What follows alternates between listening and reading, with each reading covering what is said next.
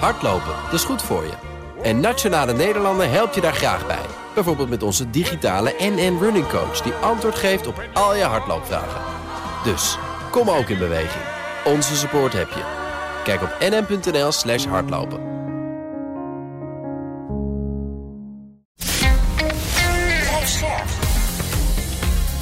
BNR Nieuwsradio.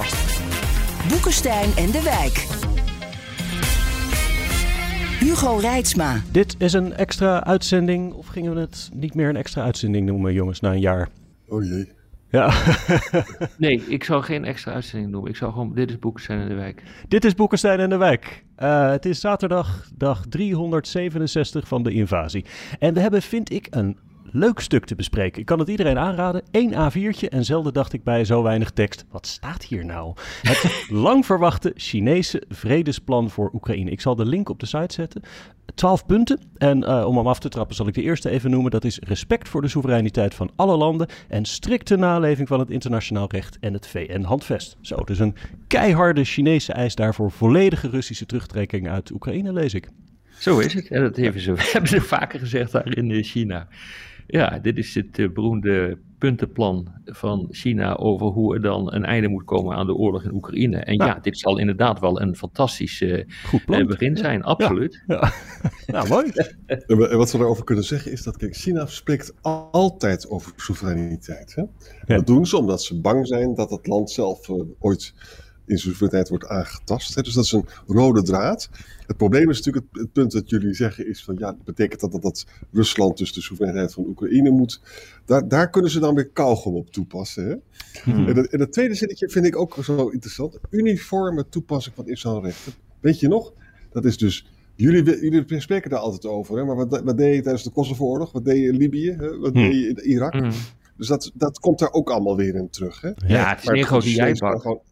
Ja. ja. het is één grote jijbak. Ja. ja. De derde en vierde zin die zijn ook interessant. Dus um, ja, de soevereiniteit en de onafhankelijkheid die moet, uh, die, die moet op alle punten uh, moeten die dus overeind worden gehouden. En uh, laatste zin, dubbele standaarden, uh, die moeten worden hmm. verworpen. Ja, dit is directe aanval op het Westen. En ik moet hmm. zeggen, daar hebben we natuurlijk een punt. Ja. We hebben ook vaak dubbele standaarden. We interveneren in gebieden van de Kosovo-oorlog tot, tot Irak. Om, uh, om goede dingen daar te doen. maar tegelijkertijd interveneren we wel en raken ook verzaal, verzoek, ja, verzond in, in moerassen waar we ook weer niet goed uit kunnen komen. En dan blijkt toch vaak weer dat, het, dat er iets heel anders achter zit. Hmm. Dus daar hebben ze ook wel weer een punt. Kijk, wat, wat ik vind als zo'n stuk, als ik zo'n stuk lees, dan denk ik, dit komt nooit meer goed.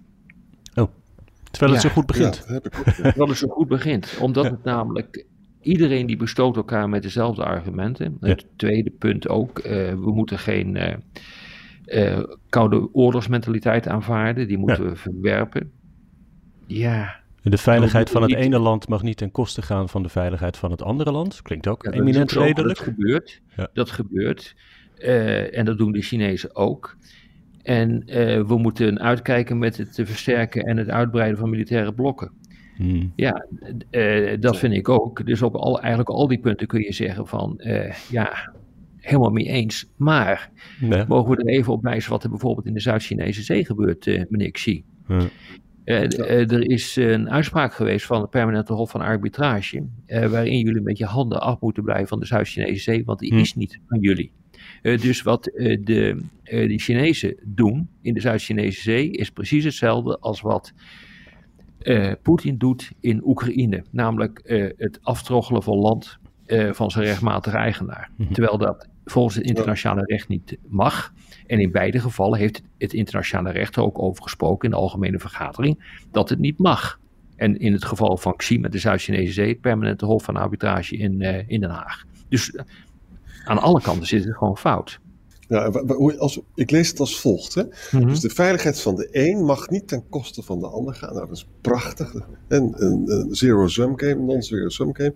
Dat betekent dus dat... Uh, ja, dan uh, moet dus, het, is heel, het gaat helemaal in tegen de transactionaliteit van Rusland. En, het, en daar is het wel zo dat het allemaal op het voordeel van Rusland is gericht.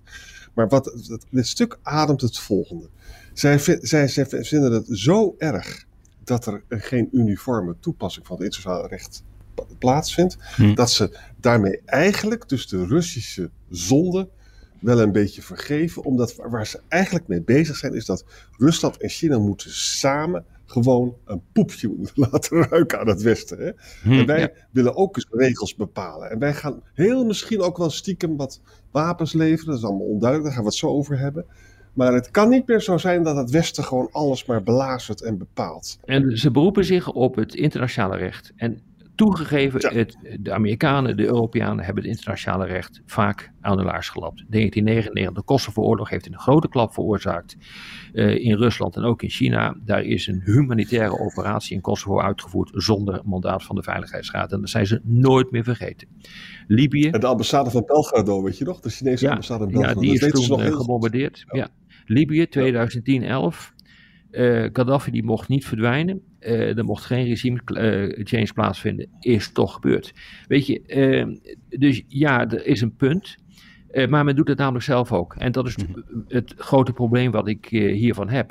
Mag ik er ook op wijzen dat anderhalf jaar geleden er ook weer een oorlogje is geweest tussen China en India. Een grensoorlog. Ja. Eh, de Chinezen hebben stukken van Bhutan afgehaald. dat is echt zeer recent hoor. Dat heeft de afgelopen jaren heeft dat, eh, eh, heeft dat plaatsgevonden. Dus als je hiernaar kijkt, naar dit stuk, en je kijkt naar alle punten die hier worden genoemd, dus het respecteren van de soevereiniteit van alle landen, het, eh, het afschaffen van een koude oorlogsmentaliteit, het beëindigen van de vijandelijkheden, het opnieuw beginnen van vredesbesprekingen, het oplossen van een humanitaire crisis, zorgen ervoor dat eh, de nucleaire ehm, energiecentra ehm, veilig blijven. Ga zo maar door. Ja, daar zijn we het natuurlijk allemaal over eens. Ja. Maar waarom gebeurt het dan niet? Dat is, Ja.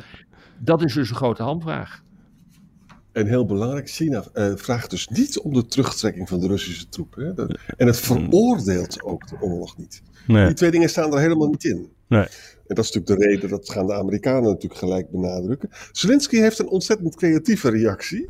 Ja. die, die zegt, het is niet slecht dat China eindelijk zich ook eens over Oekraïne uitspreekt. Huh. Ja. En dat, en dat is natuurlijk, dus natuurlijk waar, want dat wilden allemaal graag dat China ging lopen bemiddelen. Maar dan zegt hij ook van alleen het land waar het slagveld dus eh, is, hè, dat kan een initiator zijn van een vredesplan. Hm. Dat is natuurlijk ook waar. Ja. Dus uiteindelijk, jongens, maar dat weten we ook allemaal, dit vredesplan, dit, dit gaat hem absoluut niet worden. Maar het is ook geen vredesplan. Het is, het is, Nee. eh, we hebben het vorige week over de greatest hits van, eh, van Poetin gehad, die hij iedere keer maar weer haalt. Hm. Dit is ook greatest hits van, eh, van Xi Jinping. Dit Ja, is ja. wat je bij Ja. China altijd weer ziet. Ja. De grote vraag is, oké, prima. Dit, je kan er weinig tegen inbrengen, tegen heel veel van die punten, want we willen ook een vredesplan en we willen ook de, geen koude oorlogsmentaliteit en we willen ook dat eh, de soevereiniteit van landen gerespecteerd wordt. Maar wat gaan we nou doen? Ja. Hoe, hoe breek je dan door de deadlock heen die op dit ogenblik eh, er is? Ja, dat moet hij dan maar eens, eh, dat moet hij dan maar eens zeggen. Hij zou natuurlijk ook kunnen zeggen van Rusland, stop met de vijandelijkheden. Stop hiermee op dit ogenblik. Ja. Ja, staakt dat het vuur. Dat Ik roep nu even. op tot een staakt het vuur. Ja, dat Ja. staat er dus niet in. Wat dat betreft is het gewoon Nee. eigenlijk een waardeloos stuk. Maar dus Zelensky reageert voorzichtig positief. Eh, Moskou ook. Die zegt dat- eh, het vredesvoorstel zeer te waarderen. eh, tekst van het ministerie van Buitenlandse Zaken. Het betekent overigens niet dat de doelen van Rusland zijn veranderd. Maar het Kremlin vindt dat Zelensky ook via diplomatieke weg zijn land mag weggeven. Dat, daar kwam het ongeveer op neer. Maar dus Ja. iedereen is positief over deze nobele tekst. En toch denk je, hmm, Ja, en dat komt Dat omdat je gewoon.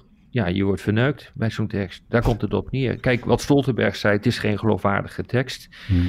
Omdat China nooit de inval van eh, Rusland heeft veroordeeld. Maar als je het stuk leest, dan lijkt het ook net, ik bedoel, je moet het goed lezen, Ja. alsof Amerika, de NAVO, eh, eigenlijk feitelijk de agressor, eh, agressors zijn. ja, En wij leveren wapens. En, Ja, en wij hebben onze veiligheid uitgebreid ten koste van de veiligheid van Rusland, denk ik. Exact, en dat, is eh, een, dat eh, is een Russisch eh, narratief. En dat is, eh, dat is fake nieuws. En dat wordt nu iedere keer gezegd. Ik moet zeggen, dat resoneert wel in het Westen. Hè? Want je moet ook constateren dat nogal wat mensen ook dat vinden. Eh, dat de NAVO is uitgebreid eh, eh, ten koste van eh, Rusland. Mag ik er even op wijzen voor die mensen. Eh, dat wij niet verantwoordelijk zijn eh, voor de ineenstorting van de Sovjet-Unie. Dat is door hun eigen incompetentie gebeurd. Mag ik er ook even op wijzen dat de landen in Oost-Europa die onder het Sovjet-juk zuchten, dat die uit vrije wil zijn overgelopen naar het westen. Dus het Hmm. klopt ook niet. Bolkestein deed het ook nog hebben in het begin, weet je nog, met die Oost-Europese uitbreiding. Ja. Decennia Nou ja. geleden. Jongens, nog Ja. een ander punt dat belangrijk is. 28, 28 februari, dat is dus over drie dagen, gaat Lukashenko van Wit-Rusland naar Xi toe. Oh. Dat vind ik wel interessant wat er gebeurt. Poetin heeft de hele avond, gisteravond dus, met Lukashenko lopen bellen. Lukashenko heeft gezegd van, nou ja, als eh, Poetin weer vanaf mijn grondgebied eh, wil aanvallen, dan eh, be my guest. Het, is, het is overigens geen enkele militaire aanwijzing hoor, dat dat gebeurt. Dus daar staan helemaal niet voldoende troepen.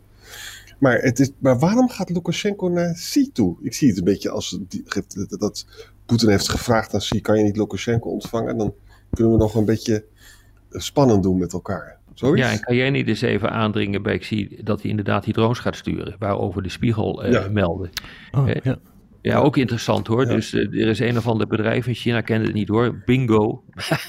Alleen de naam al. Eh, Intelligent Aviation Technology. Eh, dat, dat zou eh, de, de testen doen en de productie van 100 zogenaamde ZT-180 prototype eh, drones. Eh, en die zouden eventueel al die batch zou geleverd kunnen worden in april van dit jaar. En er zitten, ja, zeggen de experts, ik ben dat op dit gebied niet hoor. 35 tot 50 kilogram springstof in. eh, en ze lijken nogal op die roemruchte Iraanse eh drone Sociale 136. En Mhm. eh, vervolgens eh, komt er ook uit de Chinese bron dat de productie van 100 van die dingen per, jaar, per, per maand sorry, mogelijk moet zijn. En dat ze ook nog eens een keer onderdelen voor de SU-27 ehm, eh, gevechtsvliegtuigen gaan leveren van, eh, van Rusland. Dus eh, hoe het ook bent of verkeerd, eh, dit is redelijk gedetailleerd. Ehm, ja, hier moet wel een kern van waarheid in zitten, lijkt mij. Ja, Ik zag ook- de Russische, de, de, de Chinese, sorry, de, de Russische Iraanse drones, de Iraanse drones in Russische handen zijn op. Ja, Eh, dus ze willen de nieuwe batch bestellen. Dus ze hebben heel erg die Chinese drones nodig. Er staat ook, ze hebben dus die drones nodig niet zozeer om aan te vallen, maar juist om dus eh, de eh, Oekraïnse luchtafweer in de war te brengen, waardoor je daarna cruise missiles kan sturen. Het is dus vervelend genoeg. Hè? Het is echt vervelend genoeg. En, eh, en eh, Biden is net gevraagd van, denk je dat China dat echt gaat doen? En toen zei hij van, nou, dat denk ik toch van niet, hè? Maar de Chinese, de Amerikaanse inlichtingendiensten zeggen van, nou, China is now leaning towards providing. Dus die zeggen van, het lijkt erop dat China dat toch wel wil gaan doen. Hè? nou ja, dus verschillende wordt- geluiden. Nou ja, hier wordt in- intelligence, dus eh, inlichting, wordt hier heel strategisch ingezet. Dat vind ik wel aardig hoor, wat die Amerikanen doen zijn. eh, want het is gewoon hartstikke geheime inlichtingen. Die worden nu gewoon bewust geopenbaard. Om ervoor te Ja. zorgen dat een ander iets niet gaat doen. Hè, dat heeft men ook feitelijk Exact. gedaan aan de vooravond van die... eh, van, van inval. 24 februari van, van de aanval. Toen is ook inlichtingen, zijn ook inlichtingen gewoon ja, tafel gelegd van dit is wat de Russen eh, willen gaan doen. En dat bleek ook te kloppen. Dat de mensen dat aanvankelijk allemaal niet geloofden, komt ook door 2003. Door die schandelijke vertoning eh, van ehm, eh, Powell in de Veiligheidsraad, waarin hij zei van we moeten Irak gaan aanvallen. want die heeft de beschikking over massavernietigingswapens. Nou, dat bleek allemaal geen fluit van te kloppen. En nu zie je dat ze hetzelfde doen, maar nu klopt de Intel wel. En nog eens, jongens, dat is een heel belangrijk onderwerp waar het bedrijfsleven het voortdurend over heeft. Hè. Amerika heeft ook weer secundaire sancties ingesteld. Dat wil dus zeggen, op meer dan 200 entiteiten, als Europa, Azië of het Midden-Oosten uh, bepaalde munitie levert aan uh, Rusland, hè, of uh, electronic warfare de de detection equipment, dan heb je dus ook Amerika aan je broek. Mm-hmm. En, wat, en wat ik lees is dat de Amerikaanse, de, de Europese bronnen zijn daar ook bang voor, die secundaire sancties. Uh, en, en, en ja, dat, dat, maar dat gaat dus allemaal ten aanzien van Rusland, hè? nog ja. niet ten aanzien van China. Nee. Ja. nee. Nou ja, die worden wel overwogen als er inderdaad uh, uh, wapens worden geleverd. Het is overigens, jongens, wel heel aardig om de Chinese pers ook gewoon te volgen hoor.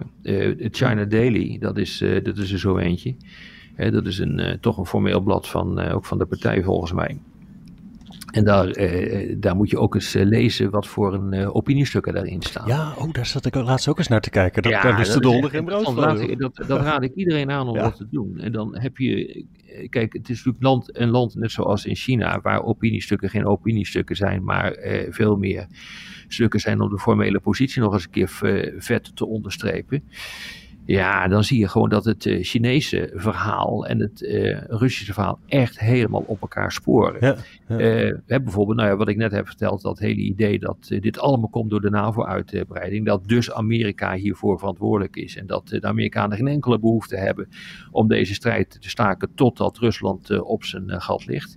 Ja, dat staat hier heel duidelijk in. En ik kwam ook vanochtend nog weer een stuk tegen. Uh, over, uh, ja, als je dat leest, dan denk je dat ongeveer alle straten in Europa nu met uh, anti-oorlogsdemonstranten gevuld is.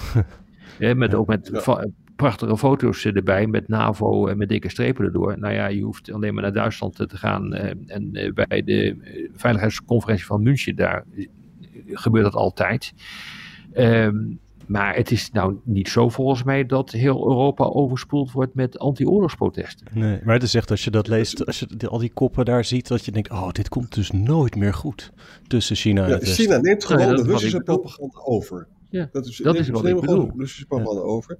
En, en, eigenlijk danst China dus op twee bruiloften tegelijkertijd. Ik hou altijd van die uitdrukking. Aan de ene kant, Europa wil heel graag dat, dat China met een vredesplan komt. Nou, dan heb je een vredesplan hier.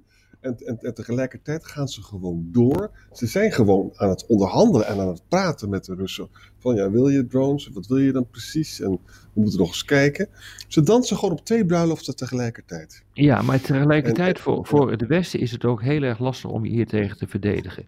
Want iedereen is voor soevereiniteit. Iedereen is voor vreedzame conflictoplossing. Ja. Alle partijen, denk ik.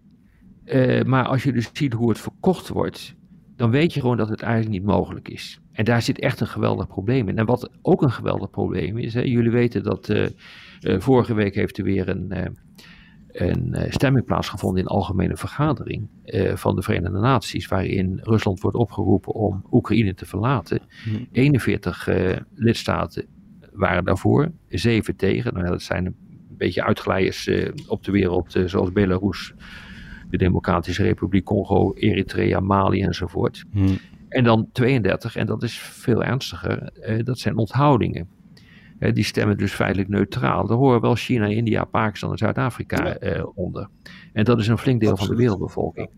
Maar het, het feit dus dat 141 lidstaten, en al die lidstaten zijn officieel gelijk binnen de algemene vergadering, hier tegen zijn, moet wel te denken geven. Absoluut, ja absoluut. Ik denk nog steeds overigens, jongens, maar wie ben ik? Dat China niet, niet openlijk daar die wapens gaat leveren. Dan doen ze het dan maar zo stiekem mogelijk. En mocht, mocht ze het wel doen en dat komt aan het licht, dan krijgen we dus een hele nieuwe wereld. Dan krijgen we dus Amerikaanse sancties ten aanzien van China. En dan gaan ze ons dwingen om mee te doen. En dat gebeurt dus al in een kader wat, wat we eindeloos hebben uitgelegd in deze podcast. Hoe mhm. spannend dat allemaal is. Ja. Dus ja. misschien staan we aan de vooravond van grote spanningen en ook grote gevolgen voor onze economieën. Nou, dat lijkt mij wel, ja. Dat, dat, eh, hmm. dat kan bijna niet anders. En dit, dit, is al, dit hangt natuurlijk al, eigenlijk al jaren in de lucht. Hè. Je kunt het nu het een en ander niet meer loskoppelen van het, eh, van het andere. Uh, moet toch nog maar even weer terug naar de voorraad van de Olympische Spelen van vorig jaar.